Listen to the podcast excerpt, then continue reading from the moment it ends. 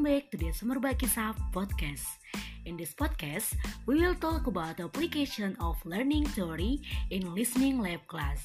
Have listening.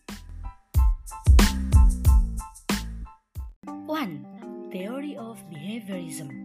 This theory is a theory that puts forward changes in student behavior as a result of a learning process. I apply this theory to the lab class by familiarizing my student with listening exercises and practices. I will arrange the material first and give instruction during teaching. I will play the audio containing some of questions up to two times because I believe students will be able to rely on imitation if they keep doing repetition or practice and I ask them to try to answer them. I do this so that they can identify behaviorism and they will make it a habit when training speed, spontaneity, flexibility, and help them to be able to easily achieve certain targets in learning. After they have finished trying to answer the question according to what they have heard, I will discuss it and if I see an error either in the material or in the student, I will immediately correct it. The second one is about cognitive and constructivism theory. This theory is applied so that language, when explaining a material, is easily understood by students.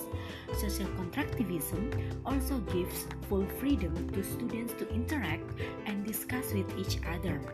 I apply this theory when teaching, namely by focusing on the way students think, so I can provide the right strategy based on their cognitive The right strategy that I do in applying this theory is that I give pause or time for students to ask questions.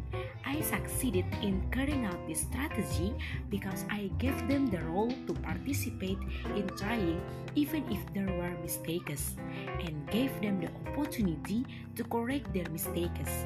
I apply this when I teach holidays topics. I divide them into groups and make conversation about travel and vacation. I apply this in class because I also want to involve them in various discussion and class activities. That way, they can also develop their creativity on new things or innovate to develop things that already exist to make them better. They can also share ideas to each other. Theory is theory of humanism.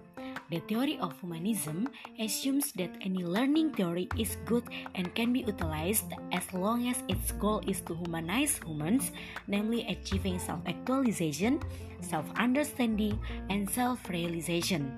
During the teaching and learning process, I play more of a role as facilitator than as a provider of knowledge to students. I try to play the role of a mentor who is always ready to be a resource person, consultant, and spokesperson so that they don't feel that they are too far away from me. The reason I made tempting of me as a mentor is because I want to achieve my own humanistic goal, namely to achieve a human degree that is capable of actualizing myself in the lives of students according to the potential I have.